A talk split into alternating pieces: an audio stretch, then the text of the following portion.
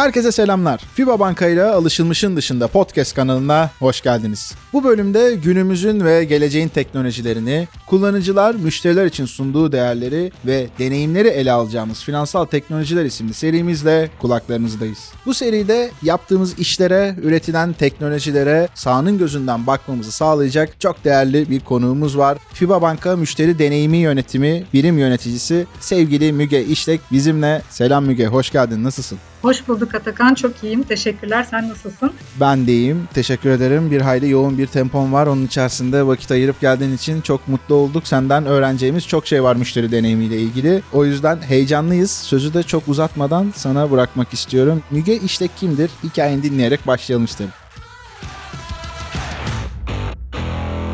2011 yılında İstanbul Teknik Üniversitesi'nin matematik mühendisliği bölümünden mezun oldum. Sonra iki yıllık bir Türk Telekom'da müşteri analitiği ve raporlama alanında bir tecrübem oldu. Ondan sonra bankacılık kariyeri başladı benim için. Piva Banka'dan önce son 8 yıl Akbank'ta dijital kanallar altında çalıştım. Önce yine veri analitiği biriminde yönetici olarak çalıştım. Sonrasında ise müşteri deneyimine geçiş yaptım. 2017'den bu yana müşteri deneyimine bir böyle planlı da olmayan bir kariyer geçişim oldu.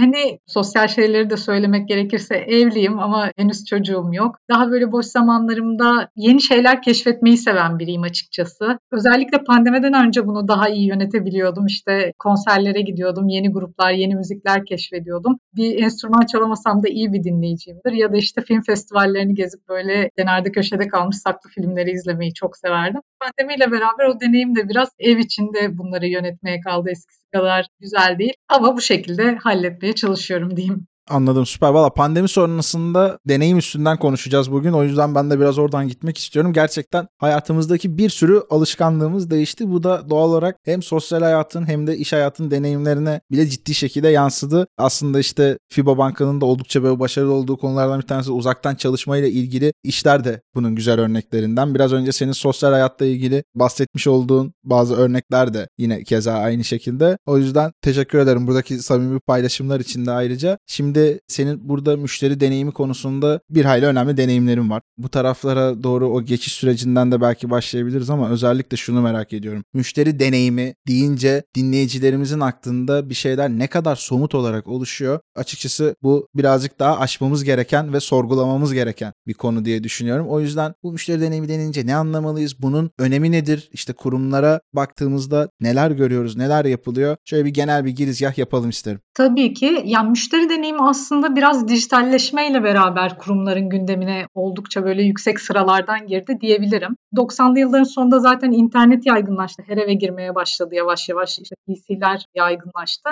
2010'lu yıllarla beraber internete bağlanabilen cep telefonları ve işte aplikasyonlar dünyasının hayatımıza girmesiyle beraber konvansiyonel şirketler de yaptıkları işlerin dijitalleştirilmesinin ne kadar gerekli olduğunu, bu zorunluluğu diyeyim daha doğrusu anlamaya başladılar. Tabii ki bundan önce de müşteri deneyimi kavramı vardı. Bunu çok iyi uygulayan özellikle böyle tasarım alanındaki firmalar vardı. Zaten müşteri deneyimi kavramı 1960'lı yıllara kadar uzanıyor. O dönemin pazarlama ve tüketici teorilerine kadar uzanıyor. Ancak zorunluluğu dediğim gibi dijitalleşmeyle anlaşıldı farklı tüm sektörlerde ve iş kollarında. Dijitalleşme öncesinde kurumlar için merkezde olan genellikle ürünleriydi. O dönemlerde işte en iyi ürünü ortaya çıkarıp hatta en iyi ürün fikriyle ortaya çıkıp bunu en iyi şekilde tasarlayarak, ürünün imajını en iyi şekilde yaratıp reklamını en iyi şekilde yaparak, markalaştırmasını en iyi şekilde yaparak aslında kolayca ürün satışı yapabiliyordunuz ve karlılıklar yaratabiliyordunuz kurumlarınızda.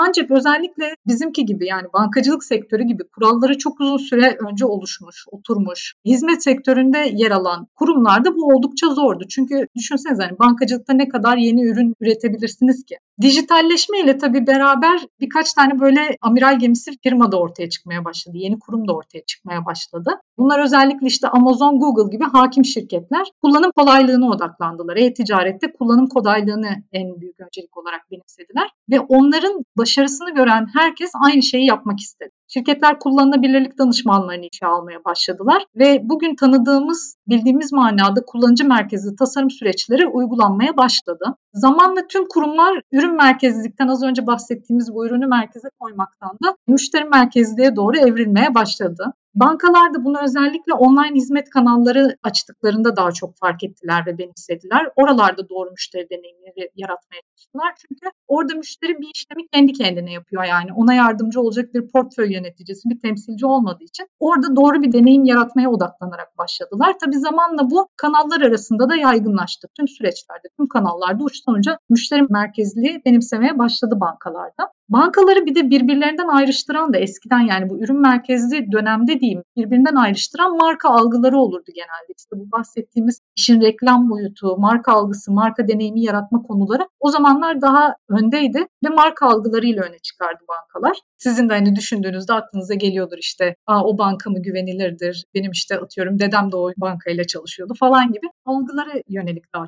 yönetiyorlardı bunu. Ama dediğim gibi dijitalleşmeyle beraber bankaları birbirinden ayıran artık kullanıcı deneyimleri, yarattıkları deneyimler olmaya başladı. Bunları böyle birbirlerinden taklit etmeleri kolay olmadığı için yani doğru bir deneyim yaratmak başlamışlar zor bir iş. Dediğim gibi yeni bir ürün çıkarsanız bile, yeni bir hizmet çıkarsanız bile bu çok kolay.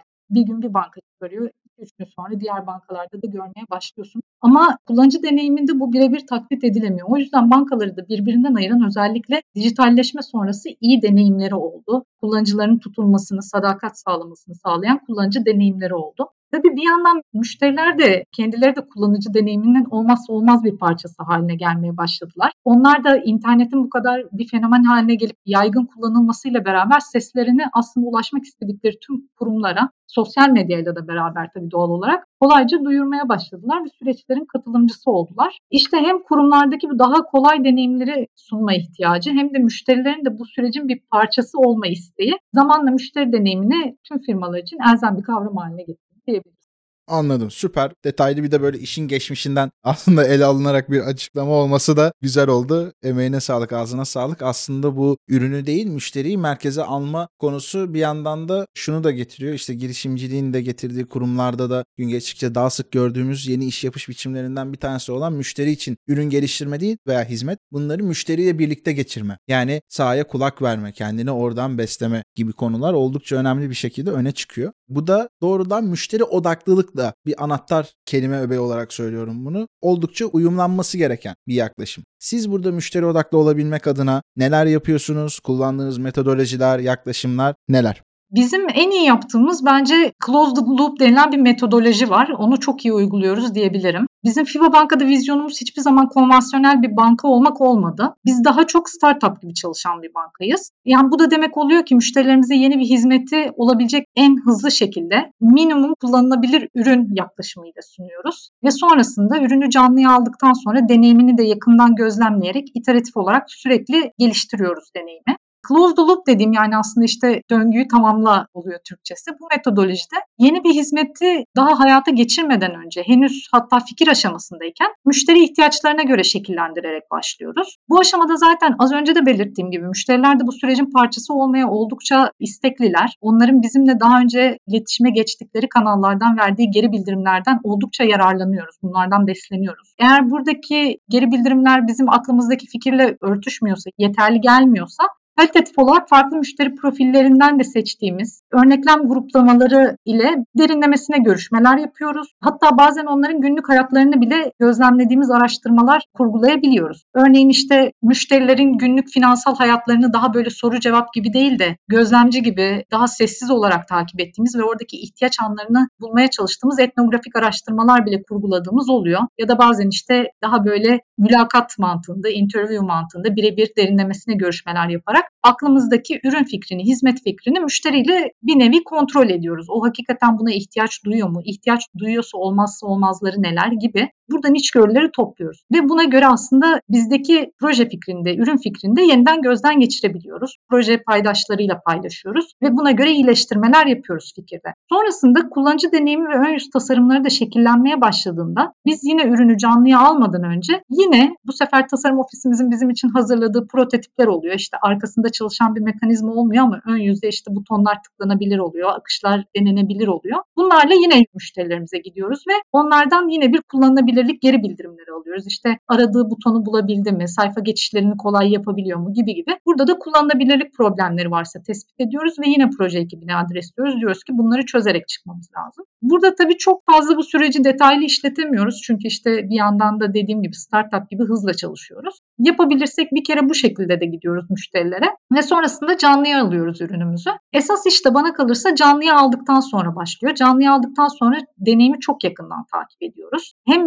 müşterilerin kanallarımızda bıraktıkları ayak izlerinde yani datayla bıraktıkları ayak izlerinde işte sayfa geçişlerinde nerelerde takılıyorlar vesaire gibi bunları takip ediyoruz. Hem de bir yandan yaptığımız anketlerle bunun detayına belki daha sonra tekrar geliriz. O anketlerden aldığımız geri bildirimlerle müşterilerin deneyimlerinde yaşadıkları acı noktalarını tespit ediyoruz ve bunlarla ilgili aksiyon maddelerimizi çıkarıyoruz. Hemen işte bir sonraki fazda o aksiyon maddelerini çözüyoruz. Yine müşteriye sunuyoruz. Yine yakından takip ediyoruz. Böyle böyle yani müşteriyi dinle, ihtiyacını, problemini anla, çöz ve tekrar dinlemeye devam et gibi o döngüyü kapatmış oluyoruz. Closed loop buna deniyor. Bunu ben gerçekten çok iyi işlettiğimizi düşünüyorum. Yani mükemmel müşteri deneyimini elde edene kadar biz Fibo Banka'da bunu işletiyoruz diyebilirim. Anladım süper. Valla ders gibi bir anlatım oldu. Ağzına sağlık tekrardan. Çünkü şöyle bir şey var. Bazen dinleyiciler tarafında podcast'ta işte biraz böyle bir bilgilerin ardarda arda sıralandığı bir durumun ilgi çekmediği konularla karşılaşıyoruz ama bence burada şöyle bir değer var. Özellikle senin buradaki işte bu closed loop gibi metotları anlatma kısmın olayı farklılaştırıyor. Çünkü podcast'lerle ilgili dinleyicilerimiz için de söylüyorum bunu şu anda özellikle. Gerçekten bazı en azı anahtar kelimeleri ve bunun not alıp bu anahtar kelimeleri bir de bunların uygulanışıyla ilgili fikir sahibi olmak aslında böyle kolay kolay fırsat bulabilecek olduğunuz bir konu değil. O o yüzden Müge'nin burada bu şekilde detaylı anlatımı çok çok değerli. Bir yandan konuyu başka bir yere de geçirmek istiyorum. Şimdi FIBA Banka olarak buradaki yine doğrudan deneyimlerden de gidersek dijitalleşme ile ilgili yapmış olduğumuz pek çok yenilikli çalışma var ve bunlar kullanıcı tarafında da zaten değer görüyor. Çeşitli yansımaları oluyor. Bu başarıyı elde ederken sizin rakiplerden farklı olarak yapmış olduğunuz neler var? Zaten söylemiş olduğunuz şu startup gibi çalışma kültürünün olması oldukça değerli bir şey. Bu önemli bir fark. Buna ek olarak neler var? Onları konuşabilirsek sevinirim. Ya aslında FIBA Banka genelinde bence pek çok şey var ama ben buna yine deneyim açısından bir cevap vermek isterim. Yani benim esas ilgi alanım olduğu için. Deneyim açısından bakacak olursak bence bizim yaptığımız en doğru şey müşterilerimizi gerçekten filtresiz olarak dinlemek diyebilirim. Çünkü her ne kadar tüm firmalar başta da konuştuğumuz üzere deneyimi merkeze koymaya başladılar desek bile bunu formalite icabı yapanlar veya çok detaylı gerçekten müşterilerini dinlemeyen kurumlar da olabiliyor. Biz bu anlamda mümkün olduğunca tüm müşterilerimize işlemlerin hemen sonrasında deneyimleri henüz bizle çok yeniyken anlık olarak tüm kanallarımızda ve neredeyse yine tüm işlemlerimiz sonrasında dinliyoruz. Gerçek görüşlerini topluyoruz müşterilerimizden. Bunu net tavsiye skorunu kullanarak yapıyoruz. Bu skor deneyim ölçümünde literatürde de aslında oldukça bilinen ve firmalar tarafından yoğun olarak deneyim takibi için yani biz iyi müşteri deneyimi sunuyor muyuzun takibi için kullanılan bir skor. Hani yine böyle biraz ders gibi olacak belki ama bizim hakikaten banka içerisinde herkesin çok iyi bildiği ve yakından takip ettiği bir spor ama ben yine dinleyicilerimize tekrar etmek isterim ne olduğu ile ilgili olarak. Bu temelde kullanıcılara bizimle yaşadıkları bir deneyim sonrasında markamızı yakınlarına ne derecede tavsiye edeceğini sorduğumuz bir skor diyebilirim. Burada kullanıcıdan 0 ile 10 arasında bir değer girmesini bekliyoruz. İşte 0 en düşük, 10 en yüksek olacak biçimde. Bir de çok kalabalık tutmuyoruz biz genelde yine deneyim yaklaşımıyla anketlerimizi. Hızlıca müşteriden cevap alabilmek için bir skorunu soruyoruz. Sonrasında da en düşüğü de verse, en yükseği de verse neden bu skoru verdiğini soruyoruz müşterilerimize. Aslında bizi esas olarak da besleyen o neden kısmı oluyor. Çünkü oraya açık uçlu olarak her şeyi yazabiliyorlar. İyi deneyimlerini de yazabiliyorlar, kötü deneyimlerini de yazabiliyorlar. Bizim de en çok beslendiğimiz kısım orası oluyor. Şu anda 500'den fazla temas anında 35'ten fazla müşteri yolculuğumuzu biz uçtan uca tüm kanallarda yani kanallar arası mı diyeyim çoklu kanallarda ölçüyoruz omnichannel olarak. Buna yine dinleyicilerin daha iyi anlayabilmesi için bir örnek vermek gerekirse Örneğin müşterimiz bizden bir alış gidiş kredisi kullanmak istiyor diyelim. Biz henüz müşterimizin bunu web sitemizde araştırdığı andan itibaren oradan başlayarak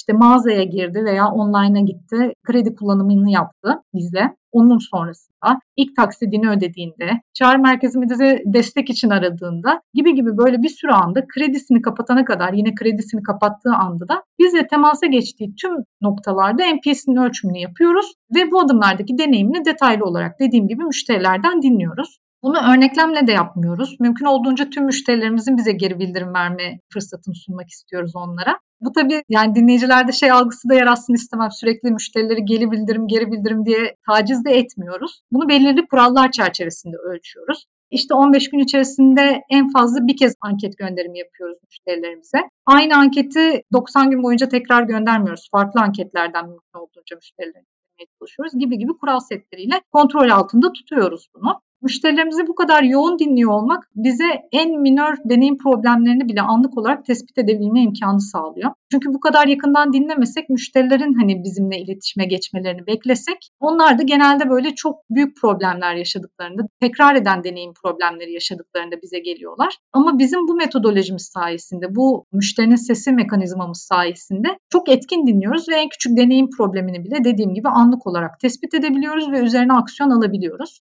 Bizim müşteri merkezlikte ayıran bu diyebilirim. Bu kadar yakından takip etmek, müşterilere sürekli bizimle konuşma imkanı sağlamak diyebilirim. Anladım. Burada bir şeyin altını çizmek istiyorum. Aslında anladığım kadarıyla lütfen sen de beni doğrula veya yok öyle değil de şu şekilde diye açıklarsan çok sevinirim. Siz doğrudan evet hayır yanıtlarından ziyade biraz daha içgörü arıyorsunuz. Yani buradaki nedenselliğin de arkasında yatan sebeplerin peşindesiniz ve bunu aslında sizlerle birlikte çalışan, orada değer yaratmış olduğunuz kişilere daha iyi şeyler sunabilmek ve yani bugünün de anahtar kelimesi olan aslında o deneyimi çok daha iyi bir hale getirebilmek için yapıyorsunuz. Kesinlikle öyle. Dediğim gibi yani biz yalnızca problemi değil iyi deneyimleri de arkasındaki senin de belirttiğin gibi nedenlerle tespit etmek istiyoruz. Burada tabii yine kilit olan müşteriyi çok boğmamak, hızlı bir biçimde bunu dinliyor olabilmek ve bu fırsatı sunuyor olabilmek. O nedenleri de o açık uçlu yani free format kendilerinin girebildiği metinlerden çok iyi tespit edebiliyoruz. Çok yakından takip edebiliyoruz diyebilirim.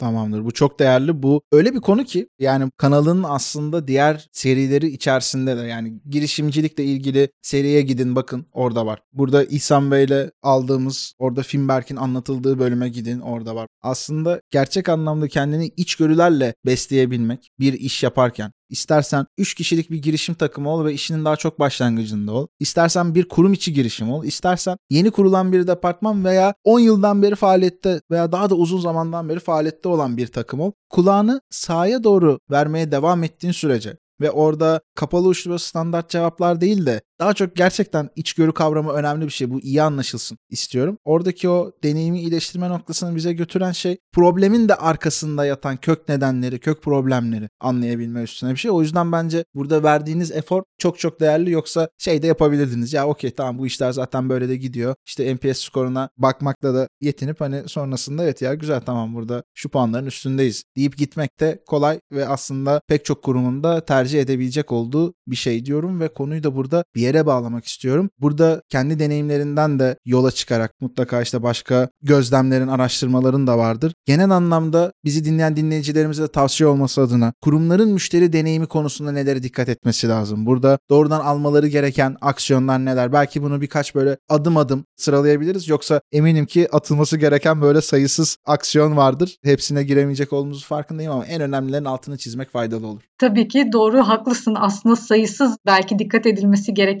önemli şeyler var ama böyle en önemlilerinden bahsedecek olursak az önceki cevaplarımda da bence biraz hani ipuçlarını verdim. Bence ilk nokta müşteriyi doğru anda etkin olarak dinlemek ve yeri geldiğinde senin de bahsettiğin gibi daha da derinlemesine inebilmek müşterinin anlattığı şeylerle ilgili. Bunun için farklı metotları uygulayabilmek bu işin bence ilk adımı olmazsa olmazı. O yüzden müşterilerin kesinlikle çok etkili bir biçimde dinlenmesi ilk adımdır diyebiliriz. Ama tabii bir yandan da hani müşterinin her dediğini yapmak, her talebini yerine getirmek de mümkün değil. Aynı zamanda kullanışlı da değil. Bazen bir müşterinin istediği veya kullanışlı bulduğu bir özelliği başka bir müşteri hiç kullanmayabiliyor veya şikayet edebiliyor bundan. Bunun için de yine dikkat edilmesi gereken konulardan birisi kişisel deneyimler tasarlamak ve farklı kitlelerin farklılaşan ihtiyaçlarını göz önünde bulundurabilmek. Müşterilerimizi çok iyi tanımamız gerekiyor bunun için. Hangi personalar etrafında şekilleniyorlar? Bu personaların kullanım alışkanlıkları neler? Yaşam tarzları neler? Bunları çok iyi anlamış olmak ve aslında bir yandan da her bir müşterimizin hangi personada yer aldığını bilmek çok önemli. Kişiselleştirilmiş deneyimler tasarlayabilmek adına. Hatta artık hani yeni trendde persona tanımlarına göre farklılaşan deneyimler bile yerini biraz daha hiper kişiselleştirilmiş deneyimlere bırakıyor yavaş yavaş. Yani müşteriler kendi ihtiyaçlarına göre şekillendirebilecekleri ön yüz tasarımlarını arıyorlar. Veya her bir kişi için yani dediğim gibi persona grup bazında artık geçtim. Bu kişi geçen hafta bunu yaptı o zaman ben bu hafta ona bunu sunmalıyım gibi doğru anda doğru deneyimi müşterinin karşısına çıkarabilmek gerekiyor. Bu da çok önemli bir nokta. Yine benim değinmek istediğim bir yerde biz deneyimleri tasarlarken genelde müşterilerin ihtiyaçlarını ve işte bize bu verdikleri geri bildirimler doğrultusunda rasyonel olarak hareket ettiklerini düşünüyoruz aslında. Ama insan olarak davranışlarımızı biraz duygularımız da şekillendiriyor. Yani duygularımızın da çok fazla karar mekanizmalarımız üzerinde etkisi olabiliyor. Bunları göz ardı edebiliyoruz zaman zaman. Bu yüzden müşteri deneyimlerini tasarlarken duygusal yönünü de muhakkak değerlendirmek gerekiyor. Özellikle bunlar üzerinde biraz daha detaylı düşünmeye başladığınızda göremediğiniz sorunların su yüzüne çıkmaya başladığını görebiliyorsunuz ve bu size müşteriyi memnun etmenin yeni yollarını da gösteriyor. Kesinlikle duyguları da göz önünde bulundurmak gerekiyor. Son olarak da aslında tüm kullanıcı deneyimlerini tasarlarken en ufak bir temas anını bile atlamamak gerekiyor. Her birini göz önünde bulundurmak gerekiyor diyebilirim. Her bir temas anında işte eforsuz, stressiz, aynı zamanda müşteriye de kontrolü veren, kullanıcıya da kontrolü veren ve az önce de belirttiğim gibi duygulara da hitap eden deneyimler tasarlamak gerekiyor. Tabii bunların şimdi hepsini bir arada söylediğimde sanki çok geniş bir konsept gibi gelmiş olabilir size ama bahsetmeye çalıştığım aslında biz her ne kadar kağıt üzerinde çok iyi akışlar, çok iyi ön yüz tasarımları tasarlamış olsak bile kullanıcılarımızın işte servislerden gelebilecek ufak bir hatada veya birkaç saniyelik gecikmede yaşayacakları stresi, o kontrolü kaybetme duygusunu göz önünde bulundurmamız ve bu uç case'leri de düşünerek bir deneyim tasarlamamız gerekiyor. Çünkü bunları göz önünde bulundurmazsak maalesef iyi bir kullanıcı deneyimi sunduk da diyemiyoruz. Tutarlı ve sorunsuz müşteri yolculukları oluşturabilmek için de aslında her etkileşim noktasının dikkate alınması gerekiyor. Mutlaka her ayrıntıyı değerlendirmek gerekiyor diyebilirim. Anladım süper. Valla soluksuz notlar aldım. Şu anda hemen hızlıca onlara bakıyorum. Ben de inovasyon profesyoneli tarafından gelen bir deneyimim olduğu için inanılmaz böyle onunla kesişen noktalara değindim Müge. Müsaadenle bir iki ekleme yapmak ve senin söylediklerinde bazı taraflardan desteklemek istiyorum. Bu neyi neden yaptığını bilebilmek yani işi yapan tarafta inanılmaz değerli bir şey. Hani söyledin ya bazen çok güzel bir deneyim, çok güzel bir arayüz tasarımı oluyor ama evet şıklığına şık, görüntüsü her şeyi çok çok iyi ama kullanıcının anlayabilecek olduğu veya hızlıca oradaki sorununu çözebilecek bir yapı ortaya koymaktan inanılmaz uzak. Bunun aslında kullanıcı için bir değeri olmadığı noktada bizim orada kurum içerisinde haftalarca belki aylarca ortaya koymuş olduğumuz eforlar pek de kullanıcı için o kadar da değerli olmayabiliyor. Çünkü önemli olan onun nezdinde ortaya koymuş olduğu karşılık. Dolayısıyla burada söylediğin önemli şeylerden bir tanesi de farklı kitleler için farklı ihtiyaçları anlayabilmek ama herkes için de her şeyi yapmamak.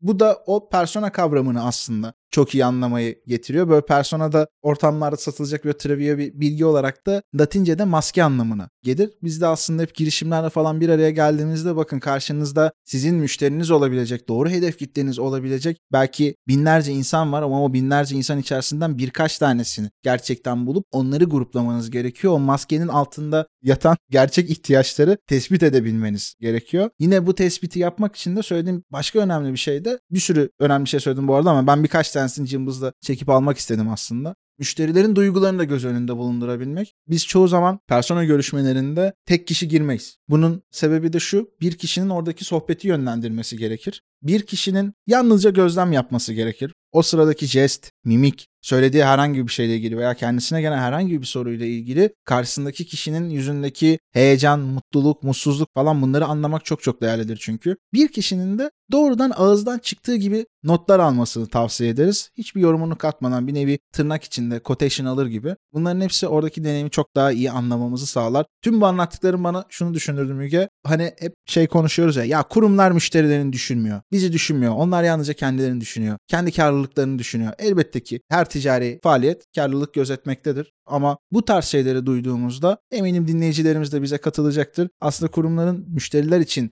değer sunan bir iş yapış biçimi ortaya koyma konusunda gün geçtikçe ne kadar ciddileştiğini de görmüş oluyoruz. Burada da sizleri tebrik etmek lazım. Emeğinize sağlık. Çok teşekkür ederim. Çok güzel örneklerle destekledin aslında Atakan. Ben belki toparlamak adına bir şeyden daha bahsedebilirim. Aslında bütün bahsettiğimiz noktaları toparlamamızı sağlayan bir metodoloji de var. Bu müşteri yolculuğu haritalama denilen bir metodoloji. Bu tasarım odaklı düşünme öğretisinin aslında temel adımlarından biri oluyor. Yani müşterinin yerine kendimizi koyuyoruz. Tabii burada az önce de bahsettiğimiz gibi farklı personeller için ayrı ayrı düşünerek.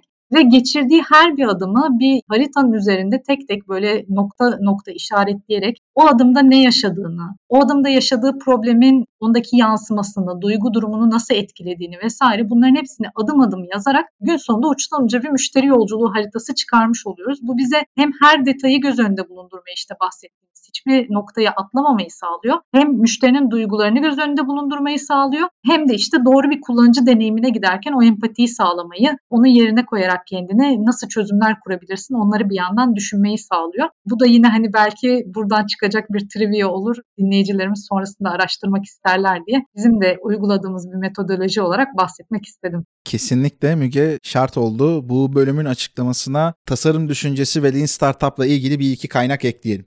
Oradaki çünkü belli ki birileri Customer Journey Map ile ilgili işte bir şeyler yapmak isteyecek veya bir persona kanvası gibi kavramları belki biraz daha derinlemesine görüp oradaki o varsayımlamaları ve ardından gelecek doğrulama metotlarını işte ise göz atmak isteyecektir diye düşünüyorum. En azından umuyorum. Şimdi yavaş yavaş böyle bölümün sonuna doğru da geliyoruz. Fakat oraya doğru tam gelmeden önce senden bir iki tane örnek almak istiyorum yapmakta olduğunuz bu süreçlerin içerisinde eminim pek çok da zorluk yaşıyorsunuz. Burada bize bir iki tane karşılaştığınız zorluklardan ve nasıl aştıklarınızdan da bahsedebilir misin? Tabii ki yani ilk aklıma gelen açıkçası biz bankacılık sektöründe çok fazla regüle edilen bir sistemin içerisindeyiz. Biz her ne kadar böyle kusursuz bir müşteri yolculuğu kafamızda ya da işte kağıt üzerinde tasarlasak da bazı durumlarda regülasyon kaynaklı ara ara müdahaleler olabiliyor müşteri yolculuklarına. Böyle durumlarda işte müşteriye bunu nasıl açıklayacağız soru işareti doğuyor. Çünkü normalde hani bir süreci ele alalım. Orada müşteriden bilgi girişi istiyorsak, orada müşteriyi akıtıyorsak o yolculuk üzerinde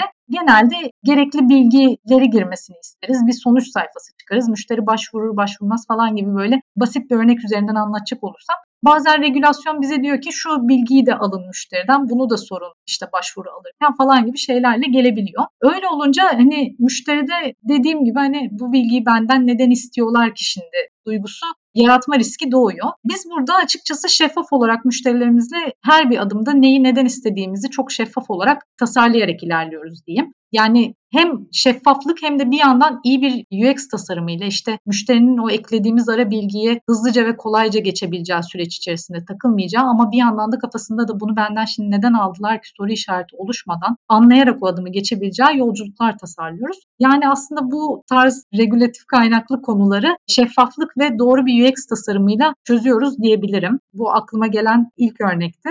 Bir diğer örnek de başta da biraz konuştuk aslında. Biz startup gibi çalışıyoruz dedik ama bazı durumlarda startup gibi çalışmak yani hız bizim düşmanımız da olabiliyor. Çünkü hem tasarımcılar hem yazılımcılar böyle gerçekçi olmayan zaman planlarını işletmek durumunda kaldıklarında her bir detay üzerinde bu az önce de konuştuğumuz her bir detay üzerinde yeterince düşünme imkanları ortadan kalkabiliyor. Veya işte ürünü hızlı çıkalım mantığıyla ilk fedakarlık gösterilen yer kullanıcı deneyimi olabiliyor. İşte böyle çıkalım sonra düzeltiriz denebiliyor. Tabii ki biz bunu da benimsiyoruz. Yani başta da söyledim iteratif olarak biz kullanıcı yolculuklarımızı sürekli iyileştiriyoruz zaten ama bir yandan da temel deneyim problemleriyle de bu MVP'yi çıkmamamız gerekiyor aslında. Bu gibi durumlarda bizim çözümümüz genelde böyle quick and dirty diyebileceğim kullanıcı testleri kurgulamak oluyor. Böyle çok literatüre uymadan eşimize dostumuza giderek işte çevremizde bulduğumuz banka kullanıcılarıyla hızlı testler yapıyoruz. Ve bu testlerle aslında amacımız süreçteki deneyim problemlerini somut hale getirmek oluyor. Çünkü biz paydaşlarla bir masa etrafında ne kadar konuşursak konuşalım, müşteriden geldiğinde çıktı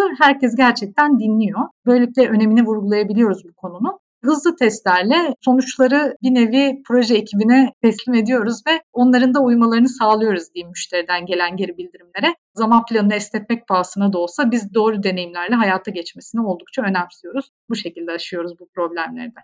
Süper. Quick and Dirty'yi oradan hemen yine alıyorum. Özellikle işte burada bir MVP'yi yapmak kesinlikle çok çok değerli bir şey. Yani bir problem çözüm uyumu var mı yok muyu doğrulamak için kesinlikle yapılması gereken ve belki de hem aylarımızı kurtaracak hem de belki de milyonlarımızı kurtaracak seviyede öneme sahip olan bir konu. Ama dediğin gibi bunu doğrudan nihai satışa sunmadan da en azından bir prototip aşamasına doğru geçip temel değer önerisini ve o değer önerisini de destekleyen müşteri için anlamlı bir hale getiren yine en temeldeki 2-3 tane özellik setini en azından karşılayan bir yapıyla ve bunun da anlaşılabilir olduğu bir yapıyla devam etmek oldukça önemli ve değerli bir şey. O yüzden oraya da değinmiş olmana çok sevindim. Şimdi yavaş yavaş artık kapanışa doğru geçmemiz gerekiyor Müge fakat çok da güzel şeyler konuşuyoruz bu arada. Cidden bunlar çok önemli. Böyle hani başlarda şeyi söyledim ders gibi diye ama onun buralara doğru gelecek olduğunu tahmin ediyordum. Halen daha bizimle olan dinleyicilerimiz burada ne kadar karlı çıktıklarının da farkındalardır diye de düşünüyorum. Bundan yana hiçbir şüphem yok. Bu kanal özelinde dikkat ettiğimiz, önem verdiğimiz bir diğer konu da şu. Aslında tüm içeriklerimizde yeni nesil genç yeteneklere değinmeye de inanılmaz şekilde önem veriyoruz. Dolayısıyla burada sana sormak istediğim şey şu. Bahsetmiş olduğumuz tüm bu değerli konularda o müşteri deneyimini gözeten aksiyonları alabilmek için yeni nesil arkadaşlarımız kendilerini nasıl yetiştirmeli, nelere hazırlıklı olmalılar?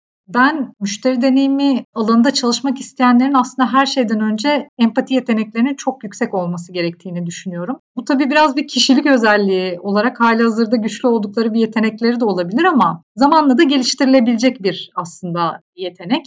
Ama yani bizim yaptığımız işin gerçekten olmazsa olmazı. Biz muhakkak deneyim tasarımlarında tüm bu kullandığımız, seninle de konuştuğumuz metodolojilerin de öncesinde ilk olarak şöyle başlıyoruz. Müşteri yerinde olsam ben ne isterdim? Ne yapardım? Veya nasıl hissederdim? Bunları sorarak kendimize yola çıkıyoruz. Müşterinin yerine kendimizi koyarak, müşterinin ayakkabılarını giyerek deneyimlerin üzerinden geçiyoruz. Zaten hali hazırda hepimiz müşteriyiz de ama işte günlük iş yapış içerisinde bazen hani firma içerisinde yaşadığımız kısıtlamalar veya işte günlük iş yapışının o rutininden çıkamamak gibi şeylerle o odağı kaybettiğimiz olabiliyor. Tekrar kendimizi her seferinde sıfırdan müşterinin yerine koyarak başlıyoruz. Tabii empati yeteneğinin yüksek olması için de genç arkadaşların sabit fikirli olmamaları gerekiyor. Başkalarının görüşlerini de dinlemeleri gerekiyor. Tartışma kültürüne ve kendini geliştirmeye kesinlikle önem vermeleri gerekiyor. Öncelikli olarak bunu tavsiye ederim.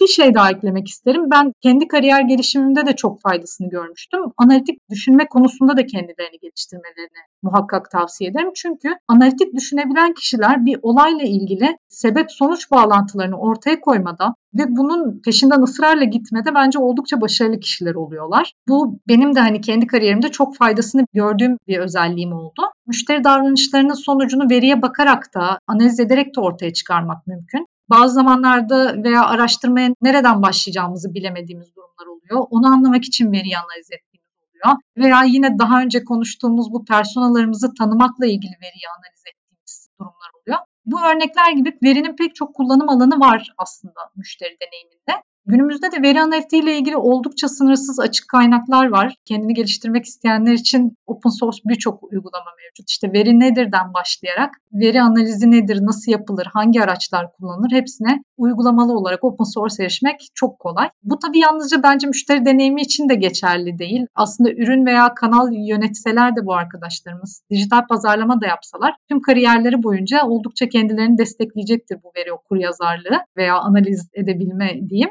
Bizim de FIBA Banka'da bunun için çokça güzel inisiyatifimiz var. Bankamız veri okurluğunu ve veri analisti olma konusunda tüm çalışanlarının gelişimlerini oldukça destekliyor. Ben de genç arkadaşlarıma kesinlikle bu alana da eğilmelerini tavsiye ederim. Harika tavsiyeler. Çok teşekkür ederiz. Son olarak da burada doğrudan konuşmuş olduğumuz metotlarla ilgili olması da şart değil bu arada. Senin için ilham verici olduğunu düşündüğün ve başkalarına da faydalı olabileceğine inandığın dizi, film, kitap, podcast belki bilmiyorum, dergi, herhangi bir içerik kaynak önerin varsa onu da alırsak çok sevinirim. Tabii ki. Ya ilk aklıma gelen benim de müşteri deneyimine geçiş yaparken yani kariyerimi o yönde değiştirdiğim ilk zamanlarda okuduğum bir kitap olmuştu. Matt Watkinson'ın The 10 Principles Behind Great Customer Experiences yani Türkçesi harika müşteri deneyimlerinin arkasındaki 10 prensip kitabıydı. Bunu kesinlikle tavsiye ederim. Bu arada kitap İngilizce benim bildiğim kadarıyla Türkçe'ye çevrilmedi. Bu belki bir önceki soruyla da biraz bağlantılı olabilir. Genç arkadaşlar muhakkak dil bariyerini de aşmış olmaları gerekiyor. Çünkü müşteri deneyimindeki trendler, kaynaklar hep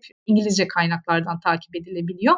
Kitaba dönüş yapacak olursam kitap iyi müşteri deneyimini hatta işte harika müşteri deneyimlerini 10 temel prensip çerçevesinde şekillendiriyor. Bu prensipleri sıralıyor ve bu işin neden prensiplerle yönetilmesi gerektiğini de aslında çok güzel anlatıyor. Açıklamalar yapıyor. Her bir maddenin üzerinde tek tek duruyor. Nedenlerini yine işte kök nedenleri neden böyle yönetmemiz gerektiğiyle ilgili çok güzel örnekleri de veriyor. Basit bir akıcı bir anlatımıyla da kalıcı oluyor aslında. Bence kitabın yazarı bu prensiplere uyarak da yazmış. Yani okuyucu olarak okuyucunun deneyimini de düşünerek yazmış. O prensipleri kitabını yazarken de işletmiş. O yüzden benim çok beğendiğim, keyifle okuduğum bir kitap olmuştu. Valla başta şey söyledim hani film izlemeyi falan severim dedim ama izlediğim filmlerden açıkçası aklıma hiçbir örnek gelmiyor. Ama son zamanlarda bana bir arkadaşımın tavsiye ettiği bir diziden bahsedebilirim. Netflix'te var Spotify'ın kuruluş hikayesini anlatan The Playlist diye bir dizi. Dizi 6 bölümden oluşuyor ya aslında mini dizi diyebileceğimiz bir yapım. Her bölüm kuruluş aşamasında yer alan Spotify'ın farklı bir çalışanın gözünden anlatılıyor. İşte bir bölüm kurucunun, atıyorum bir bölüm yazılımcının, bir bölüm hukukçunun gözünden gibi böyle altı bölümde olayı toparlıyor. Bu tabii şey açısından çok güzel. Hani farklı paydaşların önceliklerini ve hikayenin farklı taraflardan anlatımını aktarma konusunda bence çok güzel bir anlatım yolu olmuş. Bir yandan ama benim dikkatimi daha da çeken bu dizide kullanıcı deneyimi konusunda da oldukça yer var. Zaten kurucunun ilk olarak bu fikirle ortaya çıkışı da kendisinin dijital müzik dinleme deneyiminde yaşadığı problemleri gidermek oluyor.